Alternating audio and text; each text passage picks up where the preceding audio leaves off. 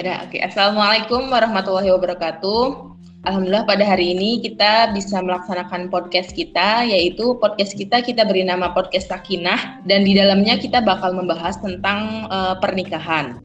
Nah, sebelum uh, mulai wawancara saya akan membacakan uh, CV dari narasumber kita pada hari ini. Nah, pertama nama Siti Masyitoh, tempat tanggal lahir Yogyakarta 26 September 1970 jenis kelamin perempuan, agama Islam, alamat Bambu Apus Pamulang, Tangerang Selatan.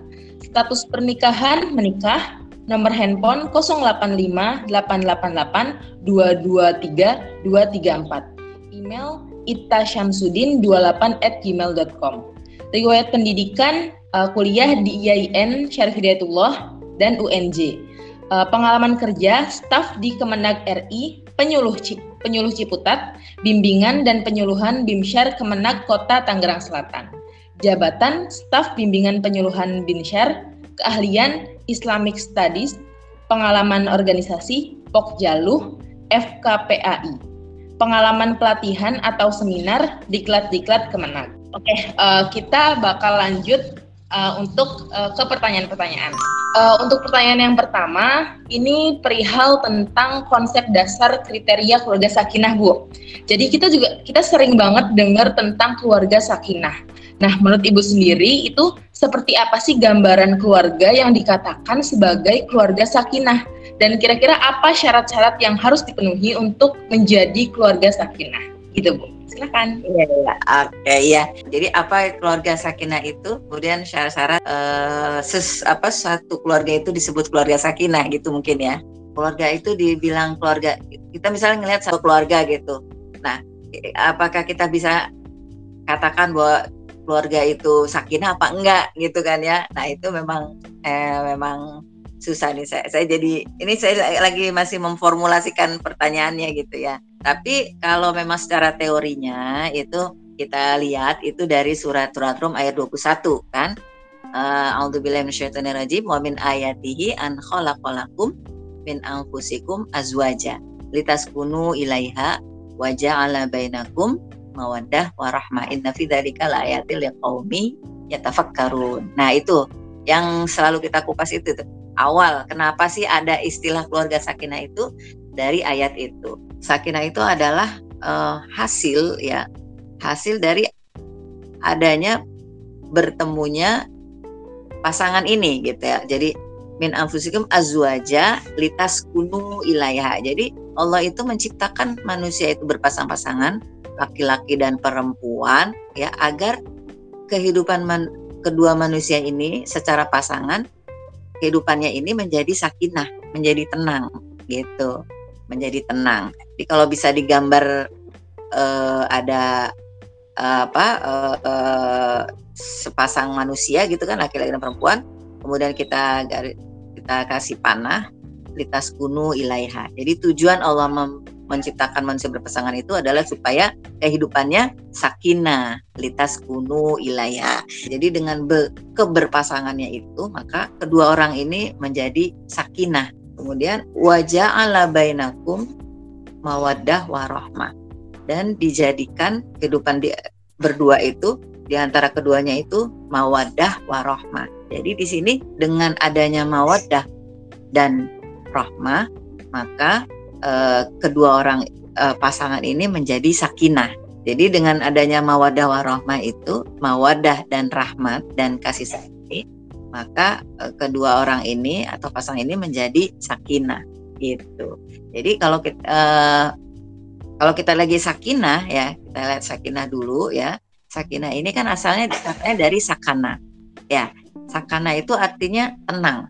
Tapi tenangnya itu Eh, eh, setelah mengalami pergolakan gitu ya misalnya kalau kita lihat penggunaan kata sakinah di ayat yang lain itu ada ketika Rasulullah sedang perang ya gitu sedang perang mengalami ketakutan ya mengalami apa nama ya namanya perang ya perang ada takut ada uh, apa namanya ya paling besar mungkin takut karena mau mau berperang kan harus takut luka atau malah mati gitu kan. Jadi ada goncangan-goncangan jiwa di situ. Nah, maka Allah turunkan hujan, Allah turunkan uh, hujan kemudian ketenangan, sakinah uh, pada uh, Rasulullah dan para sahabatnya pada waktu itu uh, sehingga uh, dalam peperangan itu merasa tenang gitu ya, tidak takut lagi. Nah, dengan kunci itu ketenangan itu maka Rasulullah bisa memenangkan perangan-peperangan gitu. Jadi sakinah itu uh, sakinah itu adalah ketenangan setelah adanya goncangan. Maka sakinah itu adalah suatu kondisi di mana uh, keluarga ya keluarga itu uh, bisa tetap tenang gitu ya atau bisa tenang setelah adanya goncangan-goncangan permasalahan dalam kehidupan keluarga gitu. Itu jadi bukan oh dia udah ini oh kalau 10 tahun mah belum sakinah. Kalau 20 tahun belum sakit tapi memang kita butuh waktu ya butuh waktu untuk bisa me, apa me, memperkuat diri diri keluarga itu ya sehingga keluarga itu bisa tahan gitu dalam e, menghadapi goncangan. Jadi keluarga yang sakinah bukannya tanpa masalah, bukan tetap ada masalah, ada tapi dia bisa tenang untuk me, menghadapi masalah-masalah itu. Nah, e, untuk mencapai sakinah itu ya kita balik lagi ke tengah nih untuk mencapai sakinah itu maka Allah me memberikan uh, jalan memberikan cara. Caranya bagaimana? Caranya adalah dengan mawaddah dan rahmah kasih sayang. Jadi harus uh, ada dua sifat ini di dalam diri kita nih yang harus kita bekali ya diri kita itu dengan sifat mawadah dan sikap rahmah. Uh, nah, kalau mawadah ya, mawadah itu asal katanya dari wadun ya. Wadun itu rasa cinta. Rasa cinta yang besar, yang penuh sehingga sifat-sifat yang jelek itu gitu ya, sifat yang nggak baik itu uh, kita bisa minimalisir ya. Kalau bisa sih dihilangkan gitu kan. Sehingga yang yang tumbuh itu rasa cintanya yang yang besar gitu. Jadi rasa cinta yang bisa meminimalisir keburukan-keburukan di dalam diri kita gitu itu mawadah ya kemudian rahmah rahmah ini adalah kasih sayang. Ah sederhananya ya sederhana saya jadi bisik-bisik ya. Jadi sederhananya mawadah itu adalah rasa cinta. Ini bisa di, diartikan uh, bisa walaupun nggak percis sama ya uh, itu bisa diartikan dengan gairah. Rasa cinta yang sifatnya biologis. Jadi untuk kita mencapai keluarga sakin itu adalah mawadah ada kasih sayang. Nah, eh, kadang-kadang kalau saya pernah baca penafsirannya itu kadang-kadang eh, seseorang itu mencapai sakinah itu melalui mawadah dulu, mawadah dulu. Tapi ada juga yang melalui rahmat. Tapi dua-duanya itu harus ada gitu. Dua-duanya harus ada gitu. Jadi harus ada rasa cinta, ada kasih sayang. Karena kalau cinta saja itu masih satu sisi. Jadi uh, uh aku bahagia nih uh, karena menikah denganmu gitu kan. Nah, itu baru rasa cinta. Tapi ketika dia aku uh, cinta padamu, maka aku ingin membahagiakanmu. Nah, itu udah kasih sayang, udah rahmat. Jadi rasa cinta itu tidak eh, rasa cinta saja itu hanya ingin diberi gitu saya nggak nggak bahagia tuh menikah sama dia soalnya saya nggak pernah dicintai nggak pernah disayangi nah padahal dalam kita berkeluarga itu kita menyayangi kuncinya di situ kita memberi dulu baru kita akan mendapatkan jadi kita memberi kasih sayang dulu kepada suami atau kepada pasangan ya. Jangan hanya minta saja, tapi harus memberi dulu baru menerima. Nih, diri saya gitu. Saya harus dicintai, harus sayang ya, gitu kan. Tapi ketika dia uh, sampai di rahmat, ya rahmat, maka dia uh, memberi. Jadi dia menyayangi dulu, baru dia disayang. Nah, tapi memang harus dua-duanya harus imbal balik imbal balik cuma kalau kita ini tidak memahami ini maunya gitu diperhatikan disayang gitu. Padahal dalam kita berumah tangga itu ha harus begitu gitu ya. Uh, tidak hanya di, minta diperhatikan ini bukan tapi uh, kita harus memberi memberi dulu baru menerima. Wah, masalah ya teman-teman sekalian banyak sekali ilmu yang kita dapat. Nih masih ada pertanyaan lagi nih Bu, biar lebih lengkap lagi nih Bu, biar lebih banyak lagi ilmu yang kami dapat. Boleh Bu ya? Boleh. Nah, persoalan rumah tangga apa saja sih Bu yang biasa dihadapi, dihadapi pasangan suami istri dalam rumah tangga dan bagaimana cara mengatasinya? Serta bagaimana pembagian tugas antara ayah dan ibu dalam mendidik anak-anak? Iya ya. Hmm. Tapi persoalan-persoalan tadi ya. Iya kalau uh, keseharian ya itu insya Allah dengan ilmu agama itu uh, bisa kita bisa uh, uh, saya yakin ya bisa. Cuma kan masalahnya masalahnya ini anak-anak muda kita ini kurang dibekali dengan ilmu agama. Kemudian kalaupun kita belajar ilmu ilmu agama itu baru kulit-kulitnya, tapi esensinya, substansinya itu belum nyampe gitu. Jadi misalnya oh kita sih tahu kita belajar misalnya kayak apa berbuat baik kepada orang tua gitu kan. Uh, kepada tetangga atau uh, atau misalnya kita misalnya nih ya, saya kan juga sekolahnya juga sekolah agama ya dari SD aja yang SD negeri. Ya, kemudian SMTS, kemudian saya masuk SE apa Madrasah Aliyah, Aliyah. Lang, terus masuk UIN ya. gimana nggak ngelotok itu ya. Cuman kalau yang saya rasakan itu ya mungkin karena kerjaan saya penyuluh jadi mau nggak mau saya belajar tidak hanya sekedar ilmu gitu. Jadi kita belajar akidah, akhlak misalnya, tapi nggak sekedar ilmunya tapi kita kita pahami kemudian kita jalani gitu ya. Itu yang yang kita belajar agama. Kalau kita bayangkan uh, sekolah negeri itu belajar agamanya berapa lama sih? Dua jam satu minggu, sehingga akan sedikit banget uh, belajar agama.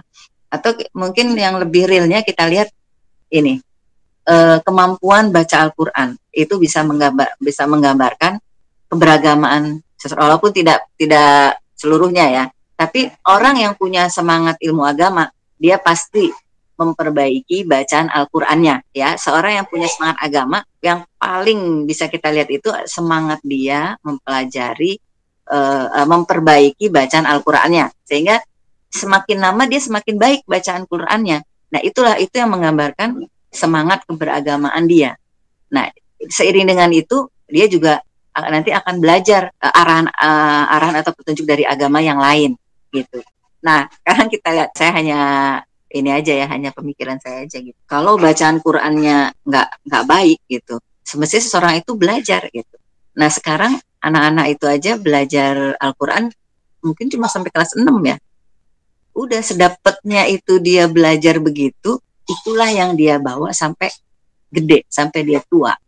Tapi tidak mau memperbaiki bacaan Al-Qur'annya. Terus bagaimana yang lainnya gitu? Nah maka per, uh, persiapannya itu memang harus dari dari kecil itu tadi. Terus nanti pertanyaan apa? Jadi saya jadi lupa deh. Apa tadi? Apa persoalan, persoalan apa saja bu yang dihadapi nah, suami istri dan rumah tangga? Nah gitu kan. Nah jadi ketika dia menikah ketika dia menikah ilmu pengetahuan agamanya itu masih masih sama seperti dia kelas 6 SD. Nah, itu bisa kita samakan juga keimanannya itu juga masih sama dengan keimanan anak SD gitu. Karena keimanan itu kalau kita tidak tumbuhkan dengan ilmu ya itu akan segitu-segitu saja. Nah, itu bahayanya seperti itu. Maka ketika menghadapi persoalan persoalan dalam pernikahan, ketika kita kembali pada agama tadi kepada ketakwaan kita, insya Allah bisa diselesaikan itu. Seperti tadi misalnya perbedaan suku ya. Nah kalau kita paham oh apa dalam surat Al-Hujurat itu eh, syu'uba. Allah sudah menjadikan manusia ini bersuku-suku dan berbangsa-bangsa. Apa tujuannya? Lita'arufu untuk saling kenal mengenal begitu. Kemudian juga untuk me menghadapi persoalan-persoalan dalam kehidupan rumah tangga itu kita memang harus belajar ya belajar mengenali pasangan kita gitu kita menikah itu sudah menerima pasangan kita secara seutuhnya ya nggak separuh-separuh ya seutuhnya. Nah, orang itu manusia itu kan punya kelebihan, punya kekurangan. Jadi ketika menikah itu, maka kita menerima kelebihannya, kita juga menerima kekurangannya. Nah, ini kadang-kadang karena nggak memahami ini, begitu menghadapi kehidupan rumah tangga kan, kekurangan suami atau kekurangan istri kaget. Ini akhirnya itu itu beberapa kasus itu kayak begitu. Apa enggak enggak ini enggak mengetahui itu sebelum? Pada pacaran misalnya. Pacaran kan berarti ada persiapan katanya mengenal ya. Padahal pacaran juga. Iya emang saya juga udah tahu dari dulu kayak gitu. Nah terus kok masih mau menikah ya habis gimana lagi gitu kan ya justru kita harus siap menerima kekurangan dari pasangan kita karena kalau dia punya kekurangan maka saya juga punya kekurangan kalau saya sebel saya marah terhadap kekurangannya, berarti dia juga marah sebenarnya terhadap saya karena kekurangan saya yang nyebelin dia. Nah, dengan kayak gitu kita lebih bisa memahami kekurangannya. Nah, sayangnya ya dalam masalah pacaran ini itu yang dijual bukan dijual ya, yang dikeluarin ya, yang ditampakkan ya kan?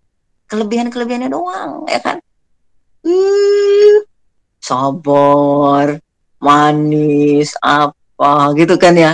Yang kelihatan itu dan karena matanya agak ketutup nggak menyadari bahwa kalau seseorang punya kelebihan punya kebaikan maka dia juga punya kekurangan gitu kan? Eh begitu nikah kaget.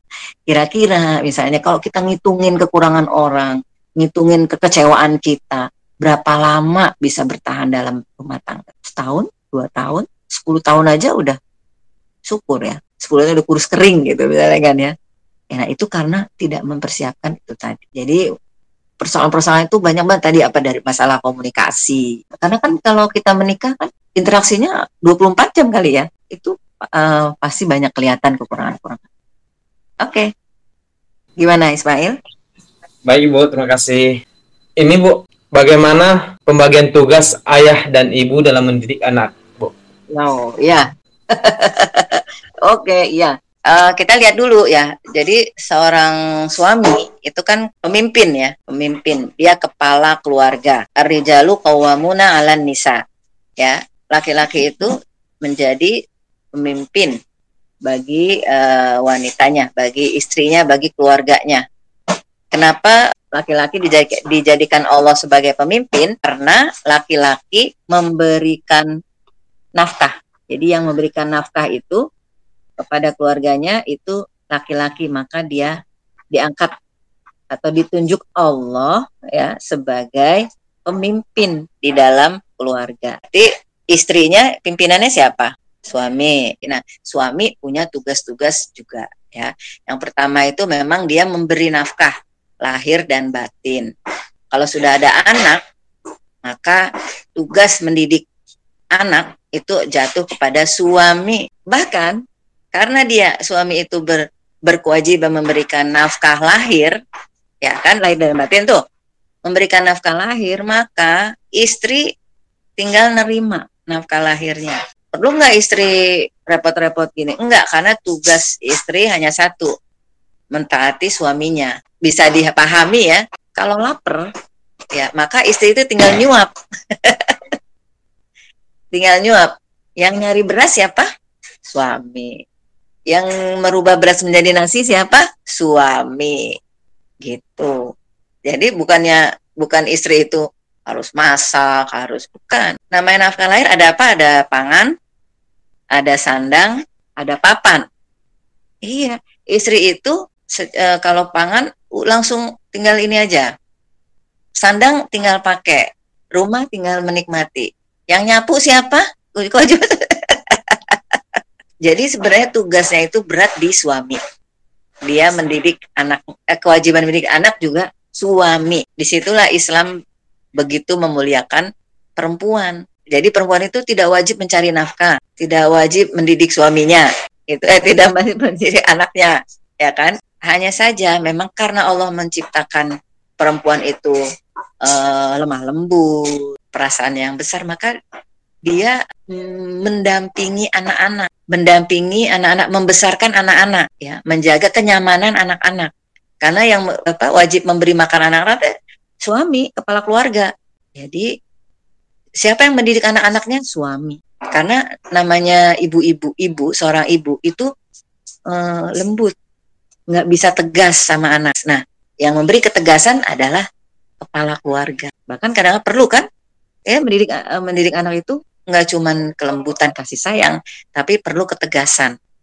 Nah, mungkin dari kelembutan dan kasih sayang itu dipenuhi oleh seorang ibu, tapi ketegasan itu seorang kepala keluarga, seorang ayah. Jadi dua-duanya harus pembagian tugasnya ada nggak ya pembagian tugasnya ya? Ya karena kewajiban kepala keluarga mencari nafkah ya berarti dia tugasnya mencari nafkah ya. Uh, seorang perempuan dengan lemah lembut dan kasih sayangnya dia men menjaga saja ya menjaga memberi kasih sayang dengan kelembutannya gitu. Jadi kalau anaknya nakal, siapa yang bertanggung jawab? Siapa yang salah? Kepala keluarga. Ya, saya kalau sekarang kan itu anak nakal banget sih. Ibunya gimana sih? Yang ditanya bapaknya bagaimana? Uh, lanjut ya Bu, ini pertanyaan terakhir dari kami. Nah, pertanyaannya itu uh, mau bagi tips nih dari Ibu kira-kira hubung uh, apa aja sih tips agar hubungan pernikahan itu langgeng dan harmonis? Supaya langgeng ya, kalau dari teori-teori tadi ya, pelengkap romanis itu memang uh, dari awal, dari awal cara memilih pasangan. Nah, itu harus berdasarkan agama. Kenapa saya memilih seseorang lain sebagai pasangannya? Itu syarat utamanya harus agamanya. Itu supaya langgeng. Kalau nggak begitu, nggak berdasarkan agama, Allah alam ya langgeng atau tidak langgeng. Tapi banyak kasus melihat tingginya angka perceraian itu saya khawatir memang unsur agama agama ini memang sedikit sekali kontribusinya. Artinya banyak orang yang lalai ya memilih pasangan itu bukan berdasarkan agamanya. Niatnya juga harus lurus. Niatnya harus harus lurus hanya karena Allah. Sehingga ketika kita menghadapi permasalahan, Allah bantu. Mengalami kekurangan rizki, Allah memberikan bantuan. Rezekinya ada.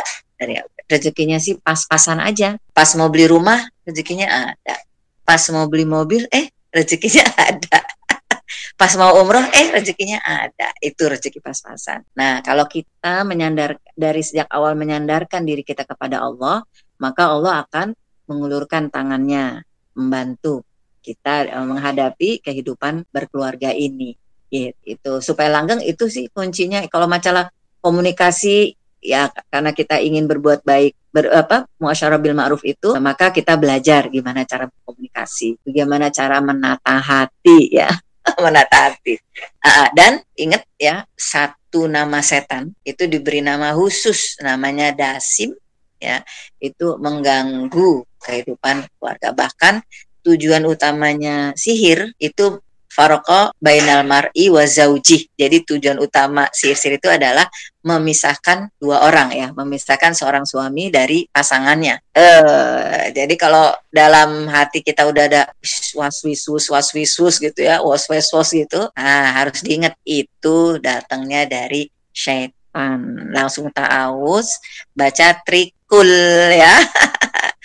itu. Oke, Ibu udah cukup banyak ya pembahasan kita tadi dari mulai keluarga sakinah, terus pembagian tugas uh, ibu dan ayah, terus bagaimana kita supaya kita bisa membangun rumah tangga uh, yang langgeng, harmonis. Kita juga tadi udah banyak belajar dari ibu. Sebenarnya ini ibu juga termasuk ya berbagi tips juga. Jadi kita pun sebagai anak muda bisa punya gambaran setidaknya, oh gitu ya bu, uh, kehidupan uh, rumah tangga gitu. Terakhir nih bu, uh, ada closing statement dari ibu silahkan.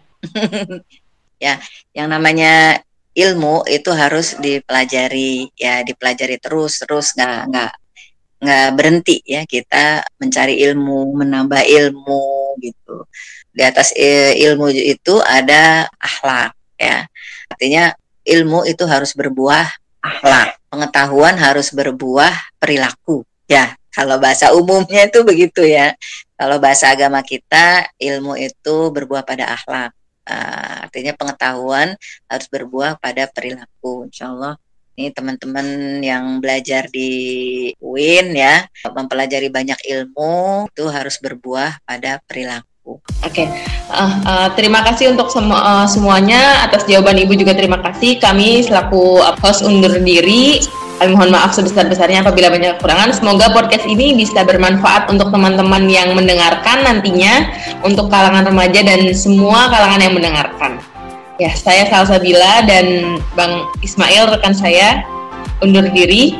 Wassalamualaikum warahmatullahi wabarakatuh. Waalaikumsalam warahmatullahi wabarakatuh.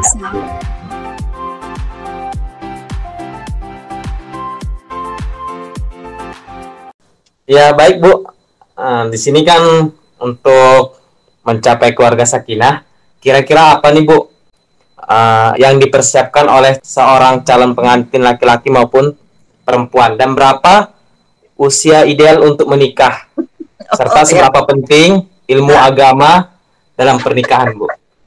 Kasih, Bu. Iya iya iya iya. Nanti diingetin tiga-tiganya ya. Uh, pertanyaannya udah kejawab apa belum? Baik, uh, Bu. Ya, jadi yang gampang dulu nih, yang tengah itu pertanyaannya. Jadi usia ideal itu memang nggak ada ya, eh, nggak ada yang ideal. Cuman kalau kita lihat undang-undangnya itu 19, paling minim ya, paling muda itu 19. Baru boleh menikah secara resmi di KUA. Kalau di bawah itu belum boleh. Bo bisa menikah di KUA resmi, tapi dia harus izin pengadilan dulu. Jadi dia misalnya ada anak SMA uh, eh, udah udah menikah muda ya pengen menikah muda usia 18 sama-sama 18 mau menikah. Maka dia uh, pergi ke pengadilan agama daftar sidang kemudian sidang baru keluar keputusan uh, putusan pengadilan. Nah putusan pengadilan itu bisa dibawa ke KUA untuk mendaftar. Kalau di, itu tidak boleh. Tidak boleh menikah secara resmi di KUA gitu. Makanya akhirnya banyak yang menikah eh, menikah secara agama aja ya. Dengan uh, kata itu namanya nikah siri. Nikah nikah tidak dicatatkan ke KUA jadi usianya berapa? 19 ya. 19 kalau salah satunya belum 19 maka ditolak pernikahannya di KUA nah yang nomor satu apa Mail apa yang dipersiapkan calon pengantin Bu untuk oh, iya. Ah, iya. keluarga sakinah tadi? Ah iya iya. Uh, tapi udah kita sepakati ya bahwa sakinah itu bukan tujuan akhir ya. Justru sakinah itu semacam kondisi gitu kan ya uh, untuk menjalani kehidupan rumah tangga ini gitu ya. Jadi uh, itu. Jadi bukan tujuan akhir ya. Nah, maka yang harus dipersiapkan itu ya yang pertama tuh mentalnya dulu ya. Mental uh, kesiap mental itu berarti kesiapan pikiran kesiapan perasaan ya. Kesiapan fisik ya. Jadi siapan mentalnya disiapin fisiknya disiapin gitu kan ya. Uh, kemudian uh, ada juga memang ada yang bilang uh, kesiapan finansial ya. Artinya ketika mau menikah kan butuh biaya-biaya untuk acara pernikahannya Cuman kadang-kadang suka lupa juga bahwa finansial itu bukan hanya untuk persiapan acara pernikahannya saja, tapi setelah menikah uh, ada nggak uh, mempersiapkan finans secara finansial nggak? Artinya apa yang mau menikah itu paling tidak punya penghasilan, gitu punya penghasilan. Sehingga uh, dia bisa menghidupi keluarganya, terutama untuk laki-laki ya, untuk laki-laki itu harus punya kesiapan finansial, dia harus punya penghasilan untuk memberi nafkah kepada istrinya dan kepada anaknya nanti kalau udah lahir. Kemudian kesiapan mental. Nah, ini yang agak berat nih. Kesiapan mental nih ya. Dia harus memahami uh, mempersiapkan pengetahuannya ya tentang perkawinan. Tapi terutama juga kalau saya bilang persiapannya keimanan ya. Karena kan fatazawadu fa inna khairazadi at-taqwa ya sebaik-baik bekal itu adalah bekal ketakwaan. Nah, padahal ketakwaan itu nggak bisa dibangun dalam semalam, ya uh, jadi mencapai ketakwaan itu tidak semudah membalik telapak tangan. Dia harus dibangun. Kalau bisa memang ketakwaan dari kecil udah udah kita bangun ya. Itulah kewajiban orang tua. Mempersiapkan ketakwaan keimanan ketakwaan bagi anak-anaknya. Jadi nggak bisa tuh misalnya oh eh, bimuin catin langsung siap mentalnya. Oh. Cuman berapa berapa uh, saya bilang begini kalau uh, saya kesiapan mental itu ya. Jadi sesuatu yang besar itu persiapannya panjang dan lama kita itu menjadi seorang suami, menjadi seorang istri itu kadang-kadang persiapannya cuma seadanya gitu. Padahal menjadi seorang suami istri otomatis dia akan menjadi seorang ayah dan ibu. Ya, seorang ayah dan ibu dia tugasnya mendidik agak uh, mendidik anak. Anak menjadi generasi berikut kan. Kalau salah didik, generasi berikutnya bisa hancur ya kan, bisa ambiar. Nah, artinya berarti pernikahan atau bertemu seorang laki-laki dan perempuan itu bukan sekedar gue suka sama lo, yuk kita kawin. Nggak begitu, tapi dia membawa misi-misi peradaban loh gitu. Makanya dia harus disiapkan. Nah, jadi harus begitu. Kita harus memandang bahwa pernikahan itu suatu yang besar, bukan hanya sekedar perjalanan hidup gitu ya, atau malah keterpaksaan, ya kan? Kamu udah menghamili anak saya harus nikah gitu, itu kan terpaksa. Akhirnya semuanya terpaksa tidak punya. Nah nah kalau udah kayak gitu bagaimana seorang istri seorang suami nanti ketika punya anak bisa mendidik anak anak-anak dengan baik? Nah anak-anak itu nanti kemudian menjadi generasi penerus. Jadi bisa dibayangkan kalau kita kalau apa namanya saya dengar teman-teman gitu ya anak sekarang begini begitu begini begitu gitu kan ya. Nggak ada ahlaknya apa gitu macam-macam ya ininya kan. Uh, nah kalau kayak begitu sebenarnya yang harus kita lihat lagi adalah generasi sebelumnya. Bagaimana nih generasi sebelumnya ini kondisinya? Nanti dia akan melahirkan generasi berikutnya yang lebih ambiar gitu. Kalau di dalam surat Nuh itu kan waqala Nuh ya Rabbi la tadar alal ardi minal kafirina dayaro innaka intadarhum yudillu ibadaka wala yaidu illa fajirong kafaro. Jadi nu kata nu ya Allah ini gimana nih kaum saya udah hancurin aja gitu. Kenapa? Karena kalau satu kaum, eh, satu generasi itu hanya akan melahirkan generasi berikutnya yang lebih kafir, yang lebih Nah, jadi berdasarkan dari situ, maka mempersiapkan pernikahan itu menjadi penting banget ya, karena dia tidak sekedar hanya pemenuhan biologis ya.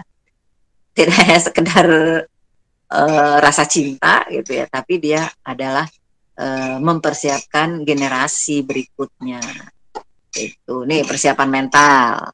Mental kayak gitu. Keimanan ketakwaan. Belum lagi harus mempersiapkan um, kondisi kejiwaan ya. Kondisi ini kejiwaan itu harus disiapin. Kalau karena kalau enggak kaget ya. Apalagi kalau udah membayangkannya bunga-bunga saja gitu kan ya. Padahal namanya bunga mawar ada durinya gitu kan. Jadi eh, dalam pernikahan itu memang ada indahnya. Tapi eh, jangan salah banyak juga eh, apa namanya sesuatu yang tidak kita sukai. Jadi kaget tidak menyangka gitu kan ya. Akhirnya karena tidak siap mental tadi akhirnya apa namanya nggak nggak kuat gitu. Nggak kuat. Ya uh, gini uh, sebenarnya ketika menghadapi masalah ya suami istri itu harus lebih mempererat gandengan tangannya. Jadi harus bergandeng tangan lebih kuat gitu. Jangan dilepas gitu. Nah ini karena nggak kuat jadi saya nggak kuat deh saya lepas deh. Jadi kalau ada masalah masalah sedikit langsung udah saya cerai saya cerai. Kemarin ada juga yang saya kaget tuh udah nge saya gini gini nah kamu nikahnya tahun berapa sih? Saya selalu tanya ya. Nikahnya tahun tahun dua 2020 sekarang tahun berapa? 2021 ya. Ya Allah belum setahun. Gitu. kalau dia nikahnya Juli belum setahun. Belum ketemu Juli lagi nih. Itu udah suaminya ngomong cerai gini-gini. Nah entah entah saya nggak nanya lagi permasalahannya apa ya. Nah itu saya uh, mau gali lagi gitu kan ya. Cuman karena lewat WA jadi agak agak susah gitu. Nah itu menghadapi permasalahan goncangan hidup karena tidak punya ketahanan mental tadi ya akhirnya ada banyak juga uh, yang baru setahun menikah cerai cerai. Karena tidak punya persiapan mental tidak punya pemahaman pengetahuan yang cukup dalam menghadapi pernikahan. Disangkanya menikah itu ya udah enak-enak, padahal justru dengan menikah itu e, melahirkan tanggung jawab ya, melahirkan tanggung jawab yang lain, melahirkan masalah yang lain gitu. Jadi pernikahan atau e, kita menikah itu bukan tujuan akhir ya, karena pacaran udah lima tahun, udah 10 tahun, ya udah menikah. bukan justru menjadi awal langkah baru yang ketiga seberapa penting mempelajari pengetahuan pranikah dan ilmu agama sebelum melaksanakan pernikahan bu Ya, yang ilmu agama penting banget ya, penting banget ilmu agama karena dengan agama ini kita bisa hidup, bisa hidup dengan tenang itu kalau kita punya pegangan agama. Yakin deh, yakin ya, ya teman-teman ya.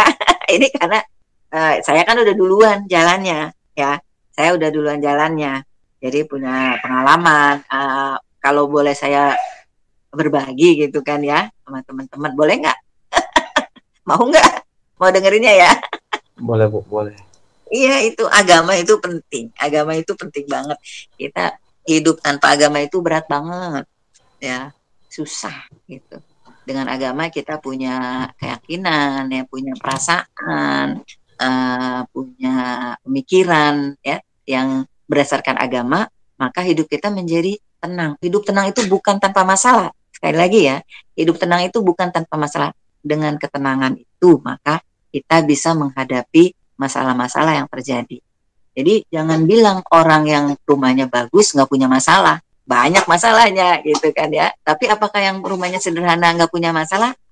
Tetap ada masalah-masalah. Tapi dengan agama ya yang melahir ketenangan itu maka dia bisa menghadapi segala masalah itu gitu kan. Nah, ini berarti ilmu agama itu penting banget jadi yang kita sampaikan dalam Bimin Catin itu memang semuanya ilmu agama ya. Semua walaupun misalnya ada yang disampaikan oleh orang dinas ya, dinas pemberdayaan perempuan ya, itu tentang keluarga. Itu dia menyampaikan tapi kuncinya itu adalah agama. Dengan agama bisa melahirkan ketenangan. Nah, ilmu agama ini bisa nggak belajar setahun? Kayaknya nggak bisa ya. Apalagi kalau kita baliknya ke takwaan ya, iman takwa itu eh, nggak eh, bisa tuh dibangun dalam semalam. Harus dari kecil. Saya bilang oh, persiapan pernikahan itu sebenarnya dari kecil persiapannya itu. Ya, dari dari kecil kita persiapkan uh, keimanannya, ketakwaannya. Nah kan ada yang ingat nggak hadis yang ada empat empat hal yang menjadikan perempuan itu dinikahi? Iya bu, ada bu. Hmm. Ingat ya, yang pertama yeah. karena karena ini Rasulullah menyampaikan uh, menggambarkan oh bahwa dalam pernikahan ini ada orang-orang yang menikah karena hartanya, ada yang menikah karena kecantikannya di jamaliha ya kan, ada yang menikah karena keturunannya. Tapi ada juga orang yang menikah menikah uh, ada juga perempuan yang dinikahi karena agamanya. Maka kalau kamu memilih jodoh gitu ya, memilih calon suami atau calon istri, maka memilihnya itu berdasarkan agamanya. Jadi kenapa sih saya mau menikah sama dia? Oh karena agamanya bagus. Taribat ya dak. Jadi maka kamu akan beruntung gitu. Berarti kalau kita ingin beruntung maka kita harus memilih pasangan kita itu berdasarkan status keagamaan dia gitu ya. Jadi jangan ganteng doang yang masih eh, eh maaf ya siapa tadi yang ganteng ya. Nah, iman juga harus iman yang maksimal, agama harus agama yang maksimal. Gimana kalau uh, yang lain ya mungkin baik nih, tapi tidak akan beruntung. Berarti kalau tidak beruntung ya nggak ya nggak beruntung ya gitu. Ya mudah-mudahan saya doain di sini semua dapat empat tapi ya yang paling utama itu agamanya. Jadi oh dia agamanya bagus. Eh ternyata orangnya cantik. Ternyata orang tuanya kaya, keturunan yang baik-baik kan gitu Nah, itu berarti Allah memberikan kebaikan yang banyak. Saya doain teman-teman di sini ya, biar dapat uh, pasangannya yang kayak yang uh, agamanya yang terbaik gitu, yang paling baik dan tiga-tiga hal yang tadi itu mengikuti di belakang. Jadi ilmu agama yang paling penting ya Ismail ya, ilmu agama yang iya, paling iya, penting. Nah, ya kemudian ya pengetahuan sebenarnya kalau udah ilmu agamanya udah baik ya, saya bilang misalnya oh kita harus belajar cara komunikasi. Kalau ilmu agama kita baik, insya Allah komunikasi kita akan baik. Namanya ilmu agama kan pasti ahlaknya baik, ya kan? E, bicaranya nggak kasar, nggak keras gitu. Dan di agama itu sudah diajarkan cara bergaul dengan istri itu bagaimana, cara bergaul dengan suami itu bagaimana. Itu ada. Yang apa intinya ada di dalam Al-Qur'an kan? Muasyarah bil bil ma'ruf ya, kalau istilah Al-Qur'annya itu. Pergaulan atau interaksi dengan kebaikan gitu dengan kebaikan dan dengan kebaikan itu itu baik ya baik sesuai dengan kondisi yang ada misalnya gini kalau orang Batak orang Batak nih Ismail orang Batak ya Misalnya ngomongnya memang begitu kan ya, kayak orang marah-marah ya kan.